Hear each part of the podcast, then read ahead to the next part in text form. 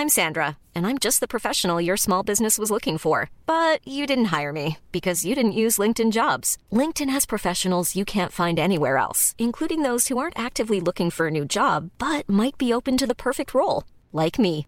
In a given month, over 70% of LinkedIn users don't visit other leading job sites. So if you're not looking on LinkedIn, you'll miss out on great candidates like Sandra. Start hiring professionals like a professional. Post your free job on linkedin.com/people today.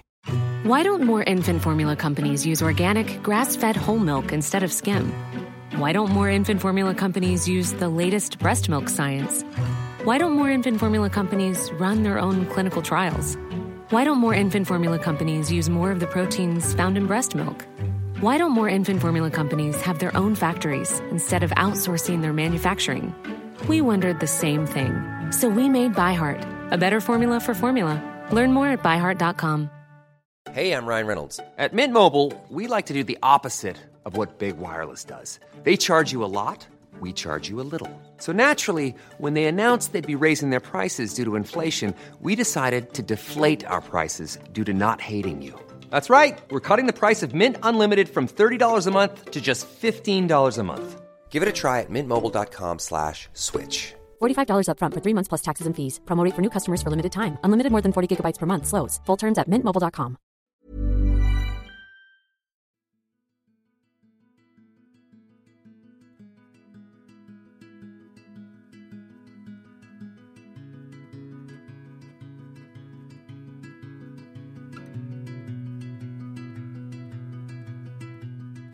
Hej och varmt välkomna till podden Sorgsnack. Det här är en podd som berör allt som har med sorg och svåra förluster att göra. När livet inte blev som vi hade tänkt, när något oväntat händer och hela ens liv vänds upp och ner över en dag och när vi tvingas ta farväl av någon vi älskar. Min förhoppning är att genom podden bidra till att hjälpa andra människor, ge stöd, utbilda och sprida kunskap och inte minst inge hopp. Jag som gör podden heter Lia Persson, är journalist i grunden och även certifierad handledare i sorgbearbetning. Idén till podden föddes ett år efter att jag förlorade mitt första barn. Det här var början på mitt nya liv. Livet som nybliven mamma och samtidigt änglamamma.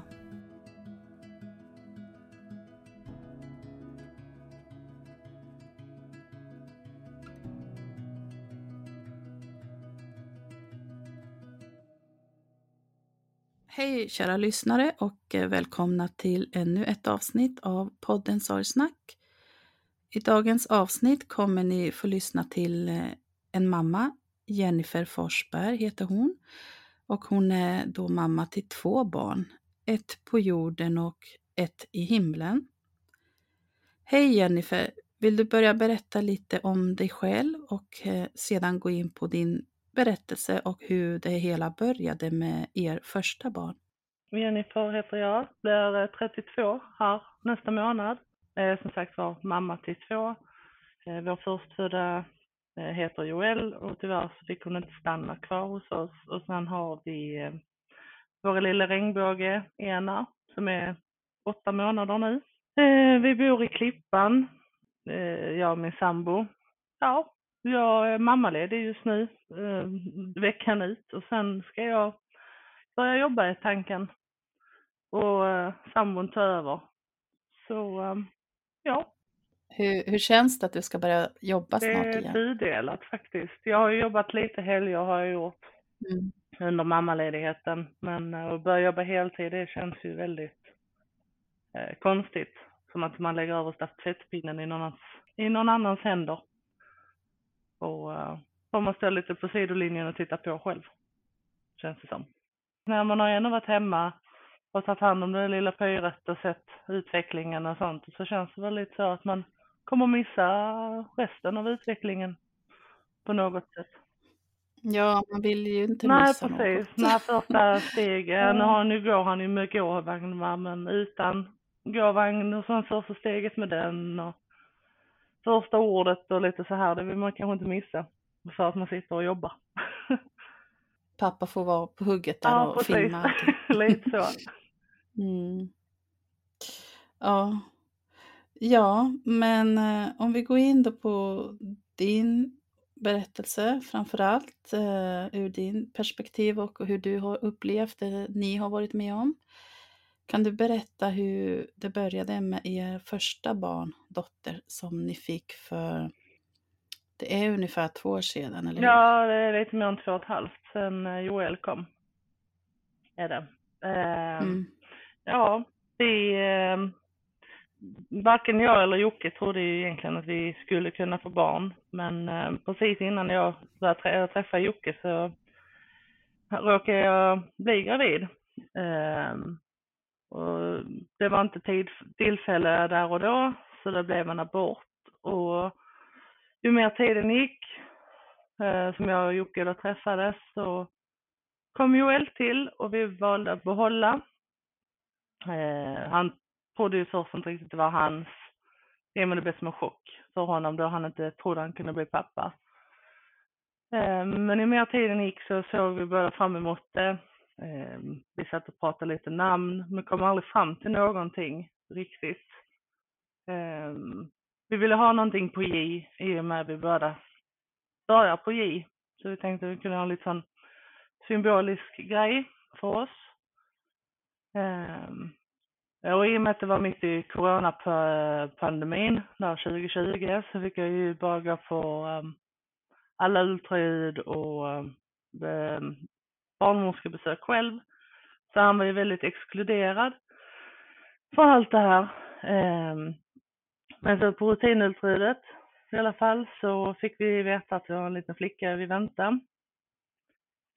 Så jag fick skicka en ultraljudsbild till honom för jag fick inte filma av och, eller ha han på ehm, länk eller någonting.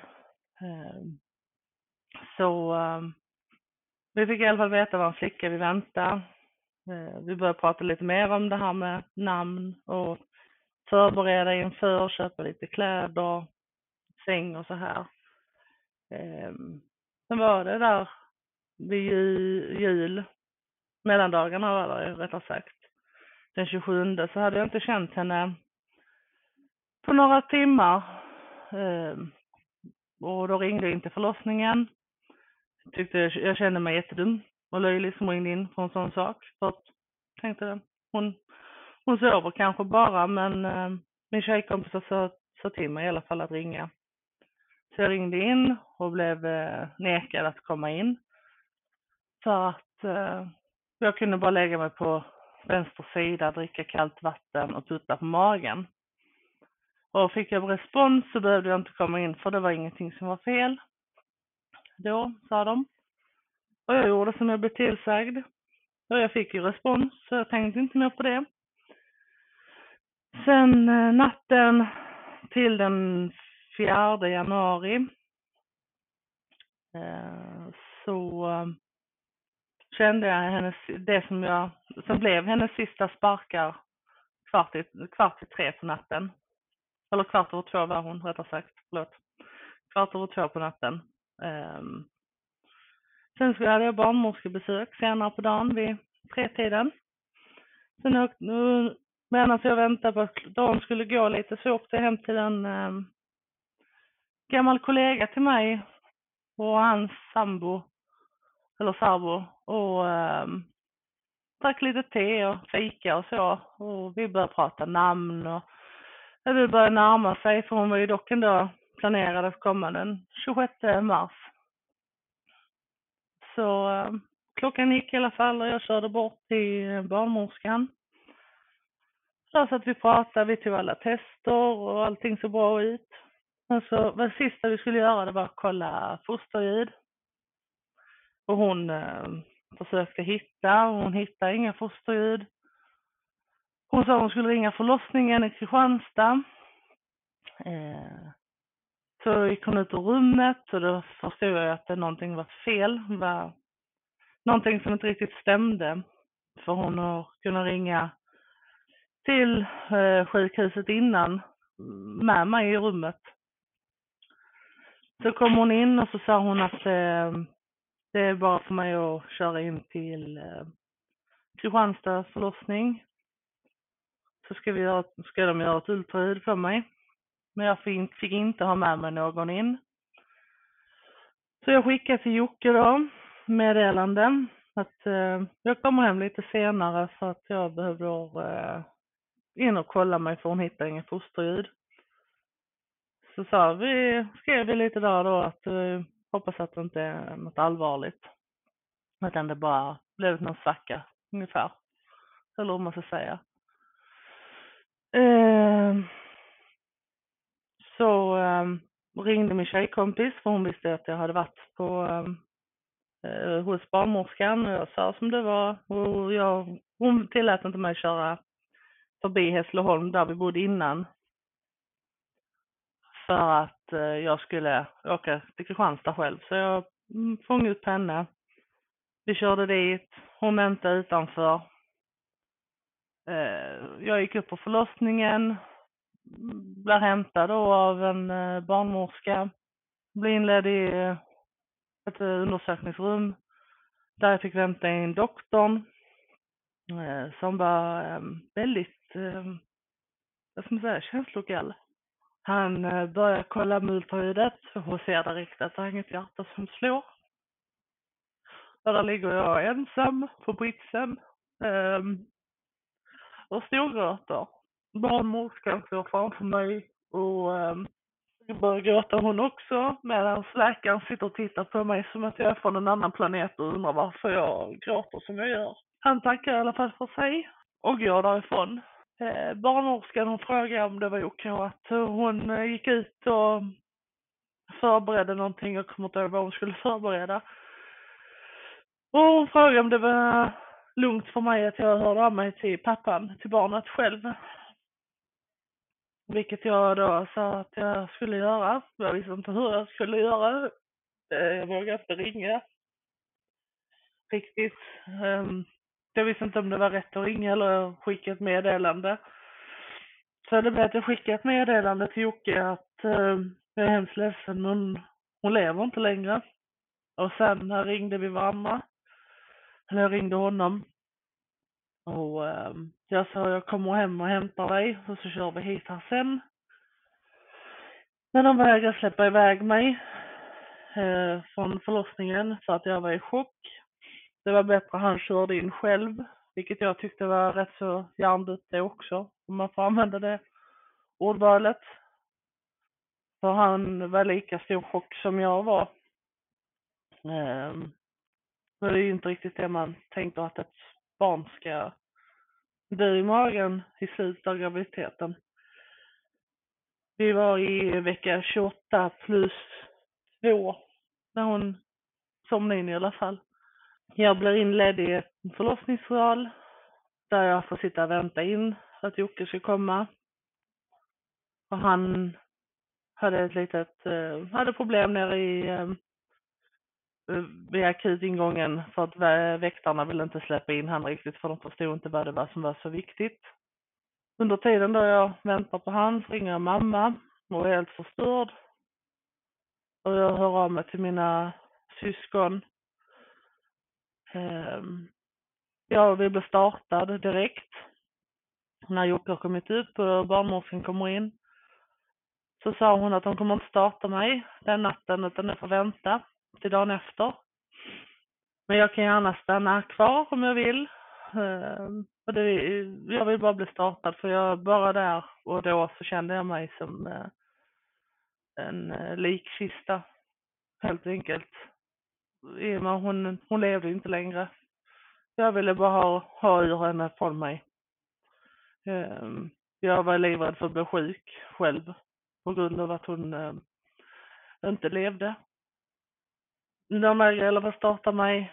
Eh, då sa jag, till sist ska jag vara med mig, sa jag, men då åker jag hem då som ni sa till mig att göra.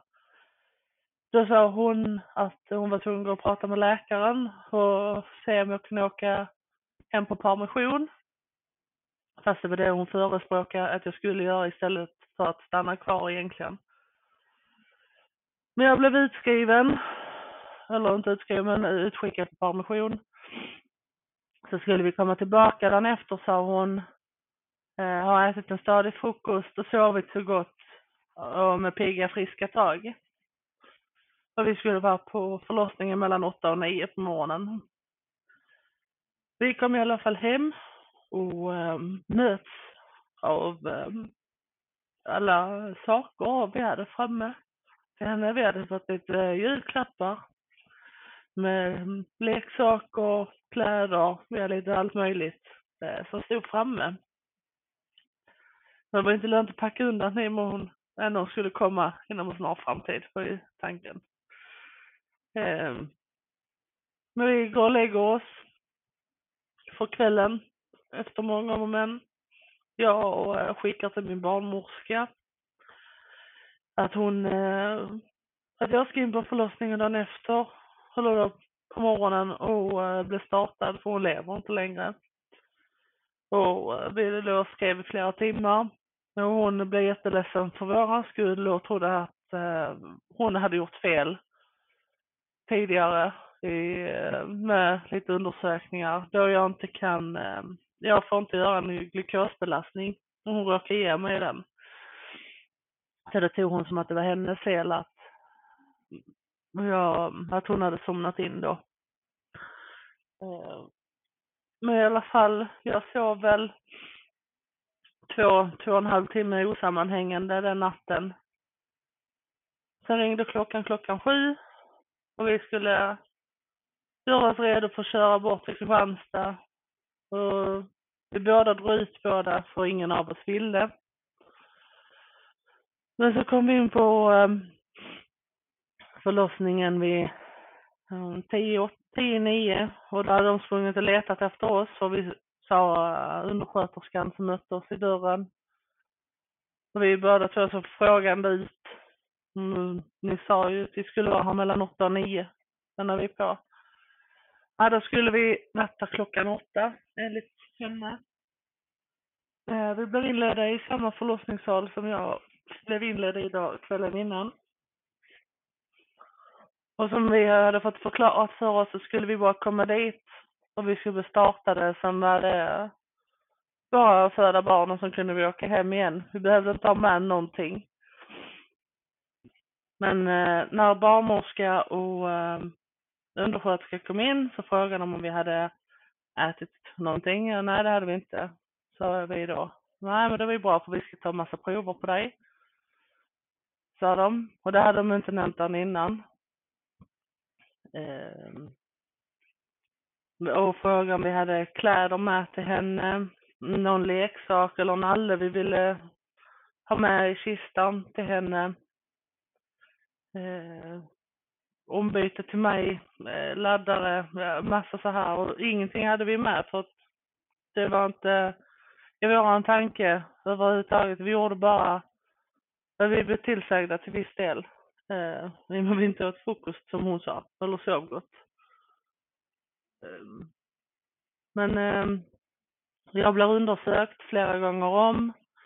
De försöker sätta, sätta det infarter där mig.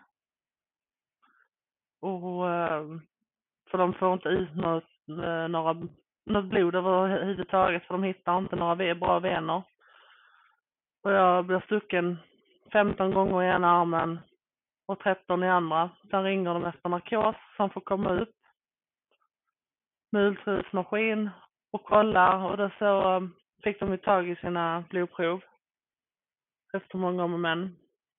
Och de gör en eh, vaginal undersökning på mig och eh, för att fastställa så att hon, att hon inte lever. Och det fastställs och jag eh, blir startad med en cytotec-dos. Och sen eh, blir jag kvar där inne, jag får inte lämna rummet. Jocke får gå ut i korridoren men jag får inte lämna. Eh, sjukhusprästen kommer upp och pratar med oss och jag har frågat frågar henne och jag har frågat innan också, vad händer sen? Vad händer när hon är född? För jag ville veta. För det är ju, man planerar ju att ha ett dop. Man planerar ju aldrig ha en begravning för sitt barn. Eh, så jag visste inte vad som skulle hända. Och vi får ett, eh, lite olika alternativ. Men det skulle vi ta mer om dagen efter eller när hon var född, hur vi ville göra. Ehm. Sen så ehm, bytas, ju pers eller bytas personalen och ett nytt gäng kommer in. Och vi ehm, hade kommit överens med ehm, dagspersonalen om att ehm, Jocke skulle få åka hem och hämta någonting som vi kunde lägga i kistan och så här. I och med att vi fick inte lämna sjukhuset. I och med corona tjofräset. Ehm, så han fick ju ha en lapp skriven. Men han var tvungen att vänta tills eh, kuratorn kom. Och kuratorn kom upp till oss och vi pratade med henne. Det, det kändes bra. Och jag ville inte att bara att det var jag som skulle ses i det hela för vi vi är två i samma sorg. Även om det är jag som bär på barnet i fråga så är det ju fortfarande, har hon en pappa också som är helt förkrossad. Och hans dröm eh, har gått i lika mycket kross som en annans. Men hon lyssnade i alla fall på honom också. Vilket jag tyckte var skönt som sagt. Eh, för då blev han sedd någon gång i det här händelseförloppet åtminstone. Han kör hem, är borta någon timme, kommer in igen och jag får, under tiden får jag ju cytotechbehandlingar var fjärde timme och jag för mig det. Um, sen är det dags för fjärde dosen och jag börjar ha, få ont. Um, lite mensvärk ungefär.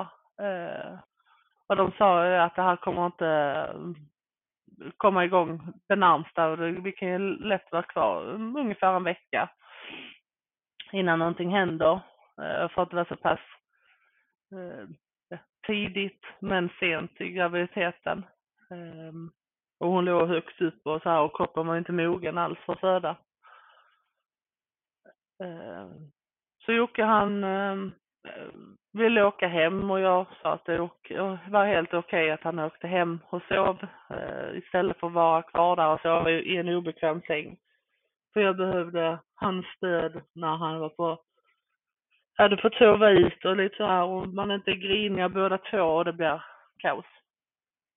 Det var ju redan jobbigt som det var. Men ehm, jag får en sovdos efter min cytotekbehandling, min fjärde, min fjärde så får jag en sovdos. Och sen sa hon att jag skulle sova där vid tio. Så Jocke körde ju där runt halv tio, tio. Och jag går och lägger mig, men där händer ingenting. Känner att jag börjar få mer ont i magen. Um, sätter mig i duschen och sen vid elva så skrev jag lite med Jocke. Han hade kommit hem och precis gått och lagt sig. Eh, eller duschat och gått och lagt sig. Sen ehm, så ringer jag efter eh, nattpers nattpersonalen som hade varit inne och hälsat på mig och såg då att det var de som hade natten. Så ringde jag efter dem och eh, bad om smärtstillande för nu, jag hade fruktansvärt ont.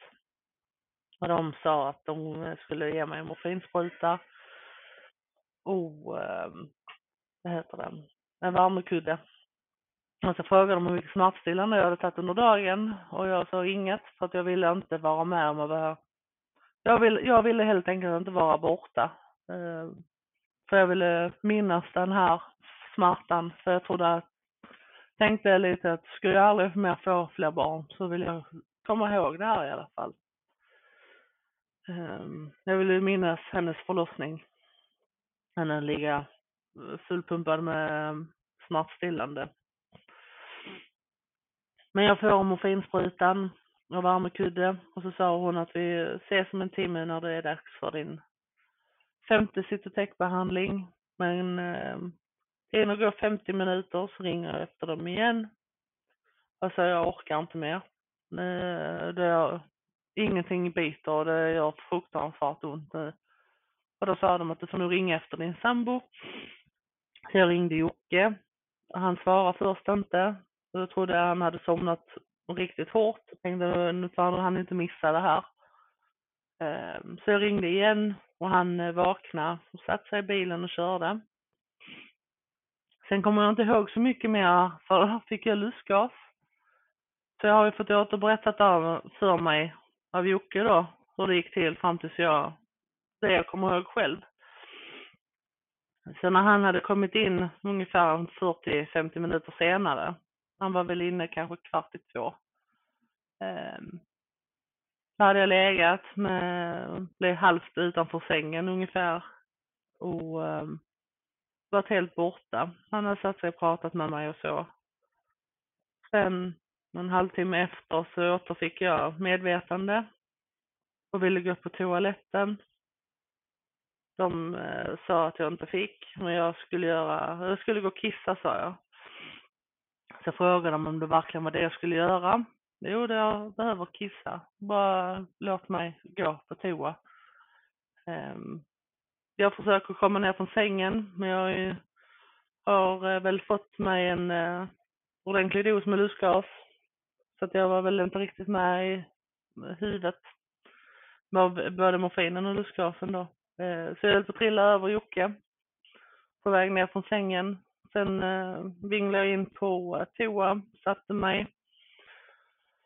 Och sen fick jag ta i lite för, för att kunna kissa. Och då eh, bränner det i, bränner det till och plumsar i toaletten. Och jag bara gallskriker och jag tror att jag har dränkt henne. Jag tror det var hon som kom Eh, och föll ner i toan. Eh, Jocke han ville rymma ut från rummet men de eh, tryckte ner han i sängen och hindrade han komma ner eller komma ut från förlossningssalen. Där kom en undersköterska till mig för att kolla och det var uppenbarligen slempropp och vatten som kom. Så jag fick gå i Hopaviken för jag kunde inte räta ut mig igen. Så jag fick gå i Hopaviken till sängen, lägga mig där och max 10 minuter, en kvart senare så var hon eh, född och hon föddes kvart i tre på natten den 6 januari 21. Many of us have those stubborn pounds that seem impossible to lose, no matter how good we eat or how hard we work out. My solution is PlushCare. PlushCare is a leading telehealth provider with doctors who are there for you day and night to partner with you in your weight loss journey. They can prescribe FDA-approved weight loss medications like Wagovi and Zepbound for those who qualify. Plus, they accept most insurance plans. To get started, visit plushcare.com slash weight loss. That's plushcare.com slash weight loss. Burrow's furniture is built for the way you live. From ensuring easy assembly and disassembly to honoring highly requested new colors for their award-winning seating, they always have their customers in mind. Their modular seating is made out of durable materials to last and grow with you. And with Burrow, you always get fast, free shipping. Get up to 60% off during Burrow's Memorial Day sale at burrow.com slash ACAST. That's burrow.com slash ACAST. burrow.com slash ACAST. Ehm, jag, under tiden, vi, vi satt och pratade om det dagen innan, om vi ville se henne eller inte och jag var helt inne på att jag ville inte se henne först. Precis som Jocke. Ehm, men när vi hade pratat med sjukhusprästen så ångrade jag mig och jag ville se mitt barn och oavsett vad så var det ju mitt barn. Men när hon var född så orkade jag inte öppna ögonen för jag var helt slut. Jag hade inte sovit på ett x antal timmar, dagar. Ehm, så de tjatade på mig till att öppna ögonen. Och jag fick en chock. För jag jag visste ju hon skulle se ut som en bebis. Men jag trodde inte hon skulle vara röd som hon var. Ehm, men de visade henne successivt för mig. Ehm, hon visade att hon var flicka med tio fingrar, tio tår.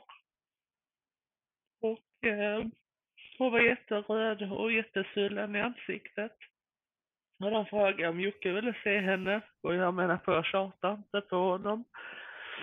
Men eh, de tjatade och sen gav så, så eh, han gav med sig och ville se henne han också. Och då började de visa fötter och lite så här. Och Jocke han var ju rädd åt andra hållet Och han tänkte att hon kommer inte se ut som en bebis, för hon kommer se ut som en alien. Eh, så han fick ju en annan bild utlagd i sitt huvud för hur hon skulle se ut när hon kom ut än vad det verkligen var. Eh, vi satt där i alla fall med henne en liten stund. De tog ut henne ur rummet så jag skulle få sova. Och då mötte de och vägde henne. Hon var 38 centimeter lång och vägde 530 gram. Så hon var ju väldigt tillväxthämmad.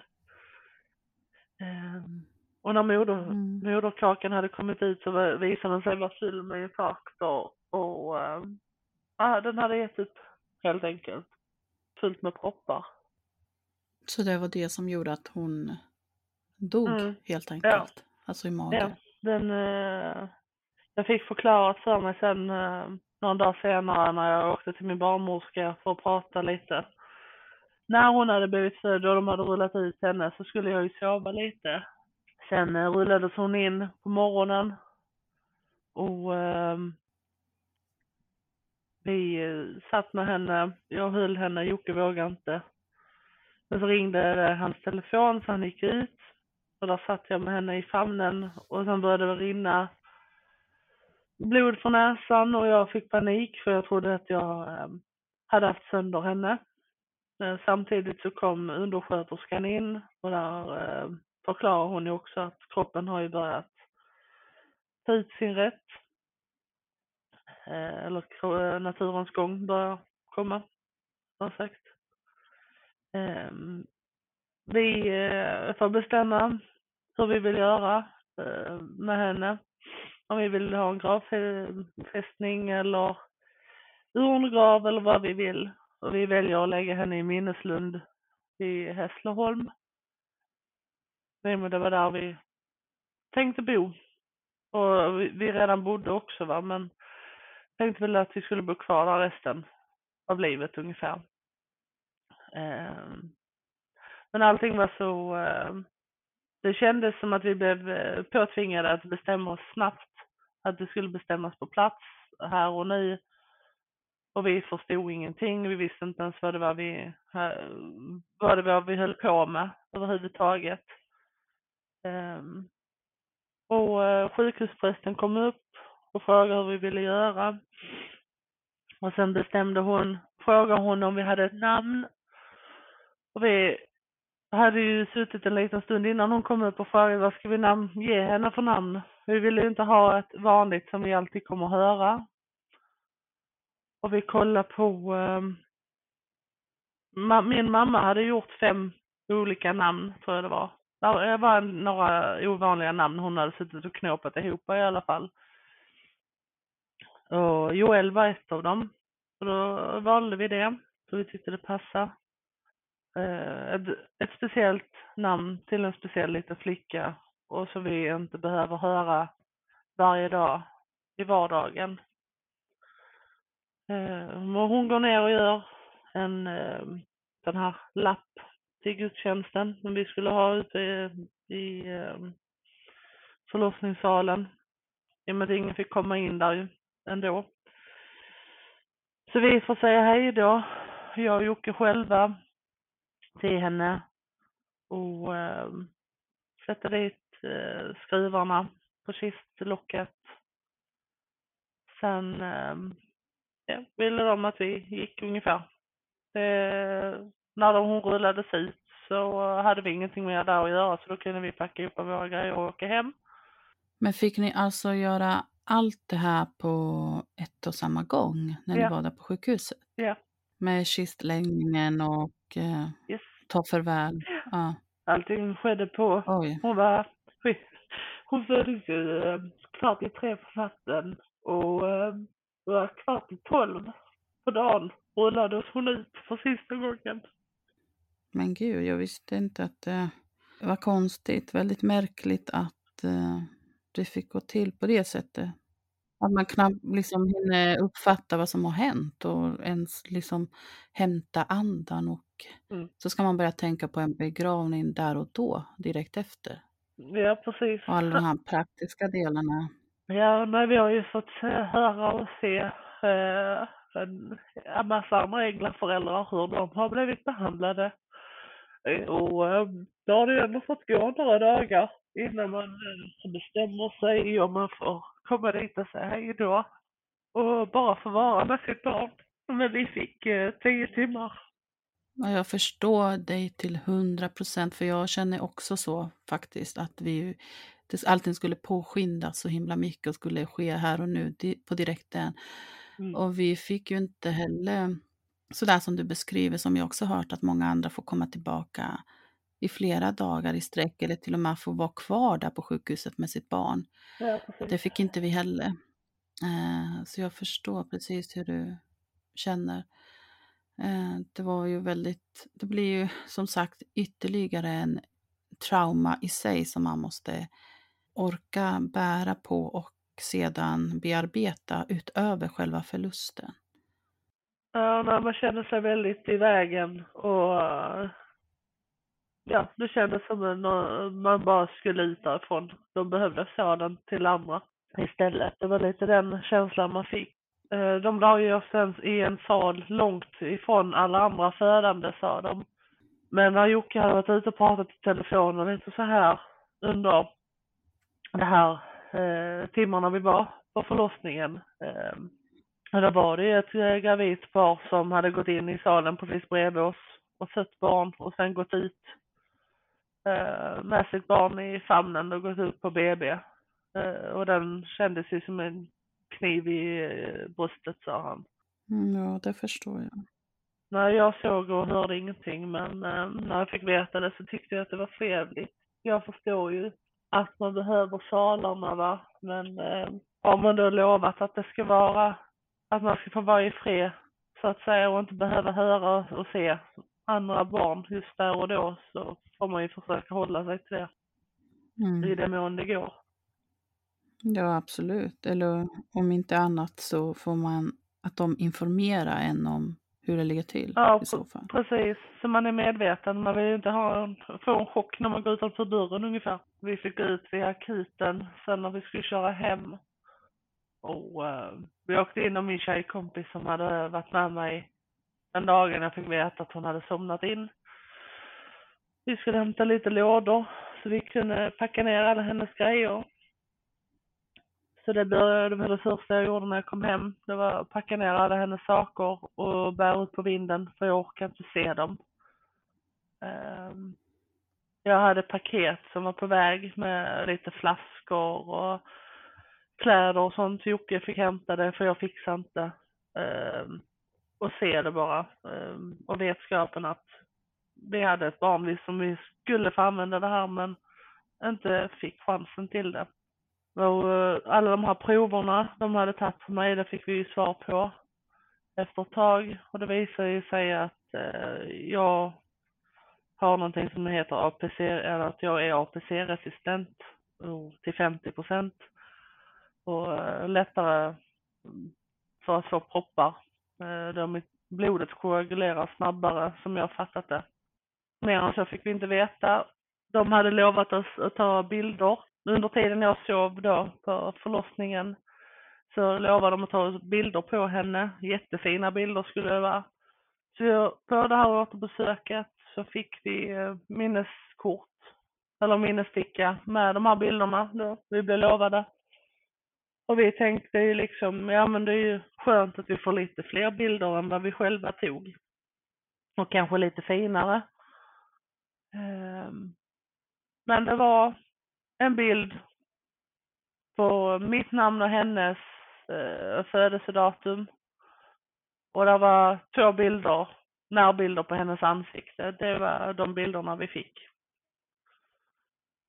Och det kände vi väl oss väldigt snuvade på det också, för vi trodde på att de skulle ge oss en bättre upplevelse, eh, om man säger så, än vad vi faktiskt fick. Ehm, men sen pratade vi då med barnmorskan eh, på det här mötet och eh, då förklarade hon vad det var för mutation jag hade. Och det var ju den här APC-resistenten. Ehm, hon ringde upp läkaren som hon hade då, som var kopplad med eh, mödravården och ehm, vi la upp en plan att blir, blir jag gravid igen så måste jag gå på trombyl hela graviditeten. Eh, jag måste ha många uh, ultraljud och jag ska kollas och jag ska startas och det är liksom ingenting eh, att diskutera utan det, det ska bara vara så. Så det står i, stod i min journal till den dagen vi fick ett plus igen. Det var ändå skönt att ni fick en plan redan då, Mm. tänker jag. Ja, precis. Nej, det var väl det enda som kli, eh, gick i lås eh, Eh, just där och då kändes det som. Eh, för allt annat med Skatteverket, eh, socialen och i och med att vi var tvungna att ha, jag ville skriva på papper på att Jocke var pappa till henne. Och det tog ju tre månader innan vi fick det. Och det var, tog tre månader innan vi fick rätt på Skatteverket. Och det var, ja, var så mycket pappersarbete. Och samtidigt så fick man de här, vad är det, 29 dagarna som mamma, eh, mammaledigt plus eh, 10 dagar sorgdagar och sen så ska du ut i arbetslivet och fungera som en vanlig människa igen. Och det, det, det tog hårt. Det gjorde det. Så jag var ju hemma den här månaden, eller de 29 dagarna. Sen så spred jag ut, delade jag ut mina 10 sorgedagar så jag jobbade bara halvtid i fem veckor. Sen fick jag ju börja gå på på heltid igen. Med en förståelse från mina transportledare i och med att köra lastbil. Eh, Med en förståelse från dem varför kanske jag inte hade samma tempo, att jag inte var så eh, närvarande eller hur man nu ska säga. Jag gjorde mitt jobb och jag gjorde det som jag alltid gjort men inte i samma tempo och utsträckning som innan. Ja, men det är fullt förståeligt. Mm. Nej, det var väldigt skönt att ha det stödet därifrån faktiskt. Skönt. Mm. Ja, det är så viktigt med rätt stöd och eh, att kunna få den hjälpen man behöver Mm. direkt efter en sån här svår förlust. Ja, Eller att man känner att det funkar så olika på all, för alla, men just att eh, man blir sedd och hörd och eh, lyssnad på ja precis. det man själv behöver. Nej, vi fick ju eh, möte på till eh, kuratorn också och eh, det kändes inte riktigt rätt när vi kom på möte med henne en vecka efter förlossningen. Och det enda hon pratade om det var ju Försäkringskassan och eh, våra sorgedagar och lite så här. Och det kändes inte riktigt som vi blev sedda och vi, mer än hjälpen så fick vi inte därifrån. Eh, Så därför tyckte vi det var skönt att kunna vända oss till barnmorskan vi hade. Och kunna, jag kunde Mm. komma dit och få prata efter alla mm, gravida mammor hade haft sina, mm, eh, vad heter det, besök hos henne avklarade. Så att hon var helt själv. Så jag inte behövde se gravida för det var väldigt triggande. Och började både se och höra att folk var gravida eh, se barnvagnar. Eh, jag bröt ihop inne på en lokal affär där det stod grattis till ert underverk och då, då bara gick jag ut ur affären. Jag, jag fixade inte det. Mm. Det var väldigt triggande med mycket så jag ville ju inte vistas utanför våra ytterdörr i stora drag under en månads tid. Jag orkar inte med besök, jag orkar inte med att existera ungefär. Nej, det är ju så. Det är, allting blir så alltså, tusen gånger mycket jobbigare. Mm. Eh, nej, men man behöver få ta det i sin takt och göra det som känns bäst för en själv. Mm. Ja, precis. Ja, och sen är det viktigt för jag vet ju själv med mig att jag kände mig så oerhört ensam i allt.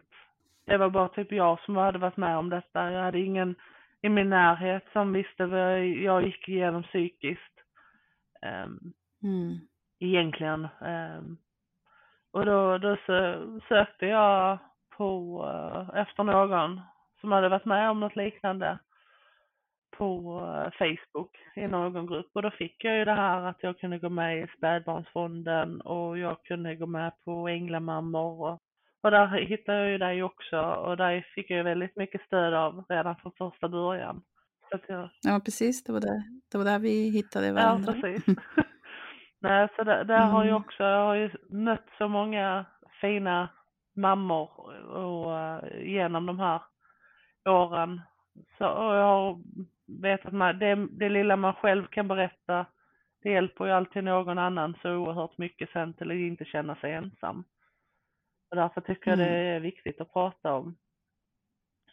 Plus att våra barn, även om de inte är här i fysisk form, så finns de ändå med oss och ska ändå få få leva vidare med oss, Mm. tycker jag. Precis. Absolut. Ja, och eh, lite snabbt då om vi ska gå in på Einar. Ja, lilla Enar ja. Ja, hur var det för dig, alltså känslomässigt att när, när ni fick reda på att ni var gravida igen och den perioden tills han föddes? Ja, när jag, ehm, innan jag skulle åka och jobba så tog jag ett gravtest och trodde inte riktigt på det så jag tog fyra till så jag hade gjort fem stycken. och alla visar lika starka positiva men jag trodde inte på det ändå. Jag var helt blank, avstängd för eh, fyra månader innan så fick vi ett missfall i vecka 10 nämligen. Så Ja. jag trodde ju inte att det här kommer gå vägen denna graviditeten i heller. Ehm, så jag var väldigt avstängd i början. Ehm, jag fick gå på eh, så många ultraljud jag kände att jag behövde på eh, mödravårdscentralen. Ehm, så fort jag kände mig lite orolig så tog de in mig bara för att jag skulle få se att hjärtat slog och den lilla växte som han skulle. Men det har varit en graviditet full med ångest och eh, oro. Det kan jag ju säga. Det har verkligen varit en kämp, kamp menar jag. Förstår det. Mm. Mm. Nej, alltså vi har ju varit på väldigt mycket ultraljud och det har varit skönt att Jocke har fått vara med hela vägen. Och, och både kunna stötta och få uppleva det här själv. Faktiskt. Sen eh, blev det lite eh, missnöje från oss när vi skulle bli igångsatta där den 19 på CSK för att de vägrade starta oss och då blev det att vi vände oss till ett annat sjukhus istället. Där de tog, upp och, tog emot oss med öppna armar och tyckte att du ska inte behöva gå. Ehm, med den psykiska oron du redan har gått med i 37 veckor. Du ska inte behöva gå med den en vecka till. Och ehm, då, eh, i och med att jag har mist barn innan och eh, han, han var ju större enligt alla ultraljuden också så han behövde ju komma ut. Så då blev det att vi bestartade den 19 och den 20 december föddes han. Egentligen hade han ju eh, BF dagen efter Joels tvåårsdag. Mm. Så vi, eh, på hennes födelsedag så tog vi med honom och eh, tände ljus och satte blommor i vanlig ordning. I minneslunden. Mm. Mm. Och sen har han fått vara med ut där några gånger och både med mig och pappa sin och eller bara med att vi har promenerat ner bort där när vi bodde en liten bit därifrån. Och då har han ju suttit och pratat med den här stenen som finns där i minneslunden. Så man undrar ju lite om han har pratat med sin syster. Mm. Ja, man, man hittar ju sina små, eh, vad heter det, tecken i allt som händer. Ja, men så är det. Mm. Men det känns också fint. Det känns bra Ja, precis. att man får de här tecken Mm. ibland. Precis. De är ju viktiga de också Ja, oh ja. faktiskt. Men eh, så hur skulle du säga att eh, sorgen ser ut idag för dig? Ja, ja, sorgen går väl hand i hand. Den är ju lättare att bära. Ehm, men eh, den har varit rätt tuff periodvis. periodsvis. Speciellt nu efter ena har kommit. Man, ehm, man ser så mycket man har gått miste om med Joel. Ehm, men som man får uppleva med, med Enar istället. Vilket glädjer mig. Men samtidigt gör mig oerhört ledsen på ett annat sätt. Men eh, idag kan jag eh, eller tillåta mig själv att vara ledsen en stund. Eller den stunden jag behöver rättare sagt. Och eh, sen kan jag återgå till eh, det normala igen. Eh, och bara vara jag och vara mamma. Behöver inte, ha, har inte den på mig konstant om man säger. Den här sörjande mamman eh, som jag hade i början. Utan jag kan se glädjen med livet idag än bara det negativa. Jag vet inte hur man ska förklara det på ett bättre sätt men. Mm. Nej men jag förstår mm. det. Mm. Tror att lyssnarna kommer också förstå ja. vad du menar. Men det, det, är ju lite det här att sorgen kanske inte ligger som en filt över en konstant liksom utan snarare att det är den här ryggsäcken man bär med ja. sig fast man kan också bestämma själv alltså, eller ta av sig den ibland och sen så plockar man upp den igen när man ska gå vidare. Ja, ja precis, precis. Um, men jag tänker att vi får börja runda mm. av lite då. Absolut. Det har varit jättefint att få, trots omständigheterna, ändå fint att få höra lite mera om Joel och eh, ja, den resan ni gick igenom tillsammans. Mm. Och även er lilla regnbåge. Precis. Så jag vill tacka dig så jättemycket för att du tog dig tid och ville vara med och eh, berätta. Tack för att jag fick vara med och berätta. Absolut, det är ju som sagt otroligt viktigt. Ja, det är ju det. Någonstans måste man ju få dela med sig som sagt. Då. Tack till dig som har lyssnat. Det är jag otroligt tacksam och glad för. Och jag hoppas att du vill vara med nästa gång också. Och glöm inte att eh, du kan följa mig på Instagram och Facebook och där, heter, där hittar du mig under namnet Sorgsnack och även Sorg Consulting. Och jag vill också passa på och eh, slå ett slag för sorgkonferensen som eh, jag och två andra änglamammor kommer att eh, anordna och hålla i den 16 oktober. Hoppas verkligen att du vill vara med och då har, kommer du ha möjlighet att träffa oss alla också på plats här i Stockholm. Och information om det här finns ju på våra sidor på Facebook och Instagram och där hittar du även hur du köper din biljett. Glöm inte att eh, ta hand om dig. Hej då! Hej då!